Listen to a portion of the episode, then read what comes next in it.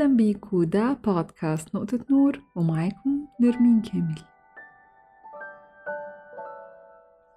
تخيل كده عزيزي المستمع إنك جبت هدية حلوة قوي لحد ولما اديتها له راح راميها في وشك. هتحس بإيه؟ ده بالظبط اللي بنعمله لما بنهمل في صحتنا لما بنهمل في أكلنا وفي الرياضة. مش بنقدر النعمة اللي ربنا ادهلنا جسمك ده أمانة لازم تحافظ عليها. وكل ما بتكرم وتحترم النعمة اللي في إيدك كل ما هتزيد. كنت خارجة مع أصحابي ولقيت الموضوع اللي شاغل بالهم دلوقتي هو عمليات تدبيس وتكميم المعدة وتحويل المسار. لأن هما بيتابعوا مع دكتورة والنظام الغذائي اللي هي حطاه قاسي جدا وهم مش حاسين بأي فرق. ومع إنهم مش overweight أو في مرحلة صعبة من السمنة إحنا بنتكلم يمكن عشرة خمستاشر maximum عشرين كيلو يعني. وقالوا لي إن العمليات دي بقت عادي وكل الناس بتعملها. أنا استغربت لأني حسيت إن التوجه الأكبر دلوقتي للرياضة والحياة الصحية. فنبهوني لحاجة مهمة جدا أنا كنت ناسياها ال algorithm بتاع ال social media اللي بيطلع لكل واحد الحاجات على حسب اهتماماته وعلى حسب هو متوقع يحب يعمل إيه بعد كده. ولأن أنا اهتماماتي الرياضة والأكل الصحي ده المحتوى اللي بيطلع لي ولأن هما بيدوروا على طريقة سريعة للخسسان بيطلع لهم التدبيس والتكميم. وهنا لازم ناخد بالنا من حاجة خطيرة جدا. الحاجة اللي أنت بتشوفها كتير بتتحول لحاجة عادية حتى لو هي خطر ومش عادية. بيحصل لها كده نورمالايز ومع الوقت كل ما بتتعرض عليك كتير ما بتتخضش لما تشوفها لأن خلاص هي اتبرمجت في مخك إن دي قاعدة وإن ده عادي. وعلشان كده لما بيكون في توجه سياسي مثلا بيحولوا فيه حاجة مرفوضة لحاجة عادية بإنهم يعرضوها كتير لحد ما تقبلها تماما طب ليه الواحد ياخد طريق مخيف لحاجة ممكن تتحقق بشكل أسهل وأأمن؟ هنعمل إيه علشان نوصل لجسم صحي من غير ما نعمل حاجات مبالغ فيها؟ ما في الآخر إحنا لازم نشوف طريقة نحافظ بيها على صحتنا فهنا أهم حاجة إنك تشوف علاقتك بالأكل شكلها إيه التعلق العاطفي بالأكل. ناس بتاكل طول الوقت أكل مضر كله مقليات ودهون وهي شايفة إن ده عادي أنا بنبسط وأنا باكله.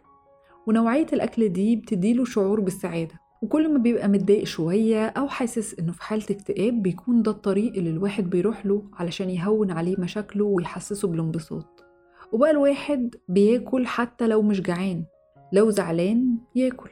لو في آخر اليوم حاسس إنه قرفان يروح ياكل جانك فود لو زهقان في البيت يقوم يسيح له شوية جبنة في الفرن. ما هو محدش بيبقى زهقان بيقوم يجيب له خيارة من التلاجة يتسلى فيها يعني. قاعد بيتفرج على المسلسل اللي هو بيحبه يقوم يشوف له بقى شوكولاتة وبيبسي وأي مسليات ويلاقي نفسه خلص كميات وهو مش حاسس. والواحد وهو في سن صغير جسمه بيبقى بيحرق فمش بيظهر تأثير كل ده بسرعة على جسمه لكن بيكون فيه تراكمات. ولما بيبدأ يكبر شوية ويعدي العشرين هنا بقى بتظهر المشكلة. وبيستغرب قوي إيه اللي حصل. ما أنا كنت باكل كده على طول إيه اللي جد يعني؟ اللي جد إن أجسامنا مش بتقدر تستوعب كمية الدهون والسكريات اللي بتدخل لها دي. وبصراحة أنا مش بعيدة قوي عن الموضوع ده لأن أنا كنت في فترة في حياتي في أوائل عشريناتي كنت من الناس دي. وكنت ما بحبش أكل البيت والأكل الصحي ده بالنسبة لي عقاب وملوش أي طعم. ويا سلام بقى لو رحنا مكان كله جبنة سايحة. وبعدها نحلي بحاجة أتقل ونوتيلا على ice cream على تشيز كيك. وأروح البيت خلاص مش قادرة أتنفس لكن حاسة إن أنا مبسوطة جدا. هو تأثير النوعية دي من الأكل على المخ كده علشان هو اتصمم علشان يبقى له التأثير ده عليك. يعني إيه؟ كل الأكل اللي أنت بتشوفه في المحلات ده معدل ومضاف عليه مواد بتعمل التأثير ده على المخ. كل شركة عندها معامل وأبحاث علشان تضيف مكسبات طعم وزيوت ومواد كيماوية. كل ده بيخلي مناطق معينة من المخ تشتغل وتفرز دوبامين وسيروتونين علشان يديك شعور الانبساط ده. يعني مثلا الشيبسي والحاجات الشبيهة بيكون في أبحاث علشان يشوف القرمشة المطلوبة اللي هتحقق التفاعل في المخ اللي بعد كده هيخليك تشتهيه.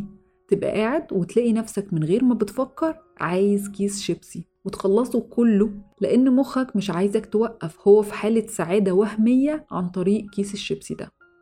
وفي أبحاث اتعملت لقت إن تأثير السكر على المخ زي تأثير الهيروين. فعلشان كده هتلاقي كل البسكوتات والشوكولاتات غرقانة سكر وهتلاقي برضو إنك تبطل السكر من الحاجات الصعبة جدا. وبنفس الطريقة حاجات كتير في السوبر ماركت معمولة بنفس الشكل. تقلب العلبة وتبص على المكونات هتلاقي حاجات أنت مش فاهمها أصلا. وحروف بقى اي وسي وزد وأنت مش عارف إيه ده. ده مش أكل. دي كلها مكسبات طعم ومواد حافظة ومواد بتغير طبيعة شكل الأكل يعني يبقى مقرمش أكتر أو متماسك أو سايح على حسب إيه اللي بيوفر أكتر شكل حلو واستمتاع للي بياكل.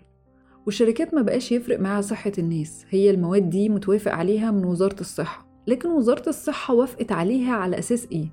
على أساس إن هي بنسب قليلة إنك هتاكل الحاجة دي بس أو هتاكلها لمدة قصيرة. لكن إحنا بناكل كذا حاجة من كذا شركة كلهم عليهم بلاوي الله أعلم بيها.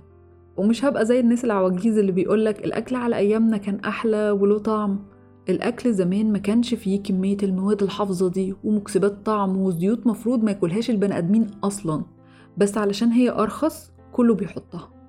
هو بيفكر كمصنع أنا لو عملت منتج كله حاجات صحية هيبقى غالي ومش هيتباع.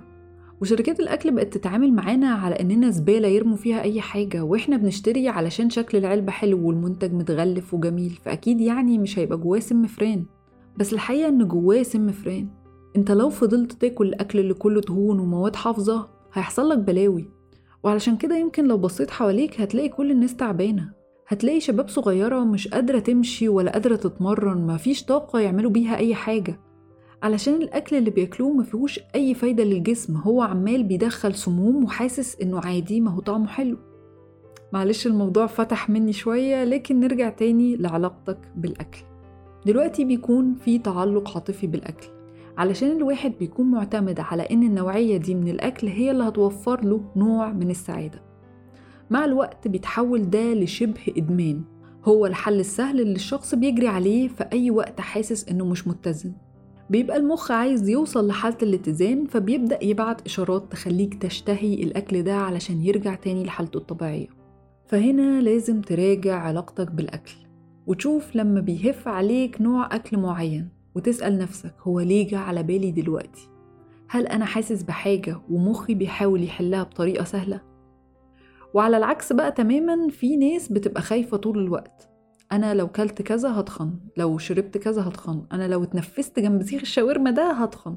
وبقى في علاقة مش سليمة مع الأكل بقى بالنسبة له كل الأكل مؤذي وهيتخني. أنا مركزة على كلمة هيتخني بالذات لأنها بتكون السبب الرئيسي في التصرف ده. مش إن الأكل مش صحي أو هو بياكل أكل صحي في المقابل لأ هنا بيكون الشخص خايف على الوزن وبس. ودي علاقة مش صحية مع الأكل. طب الحل إيه في كل اللي فات ده؟ الاعتدال.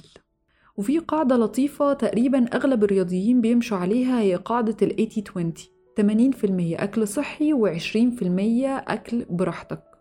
يعني مثلا لو أنت شخص مش بيحب السلطة ومش بتاكل خضار مش هيحصل أي حاجة لو حطيت على السلطة دي dressing من اللي في أزايز ده أو مايونيز أو شوية جبنة أو barbecue sauce آه هو ده مش أحسن اختيار لكن لو ده هيخلي طعم الطبق حلو وبقى مقبول بالنسبة لك عادي. جسمك لما هيدخله الخضار مش هيقولك لا أصل ده عليه دريسنج مش هستفيد منه.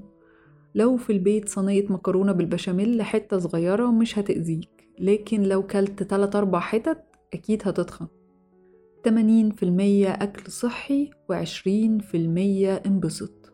أنت اللي تقدر تقرر وتحدد أنا كلت 80% أكل صحي ولا لأ. خليني أحكي لكم حاجة كده ناس كتير بتتريق عليا لما بعملها. أنا بحب الحلويات فبجيب مثلا حتة تشيز كيك أو chocolate cake وباكلها على 3 أو 4 أيام. فالناس بتتريق عليا وتقولي يعني أنتي بتاكلي فتفوتة فتفوتة. الحقيقة إنه آه باكل كمية صغيرة لكن بستمتع بيها لأبعد الحدود. هي بالنسبة لي طقس كده. وباكلها بالراحة جدا وبستطعمها وبيجيلي نفس الإحساس لو كلت القطعة كلها لكن بضرر أقل. أنا ما حرمتش نفسي من الحلويات لكن كلتها بالمعقول.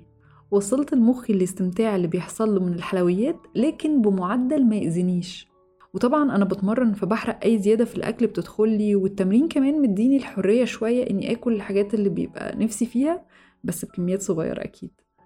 الفكرة إني بشوف أنظمة غذائية صعبة جدا يعني تكرهك في حياتك.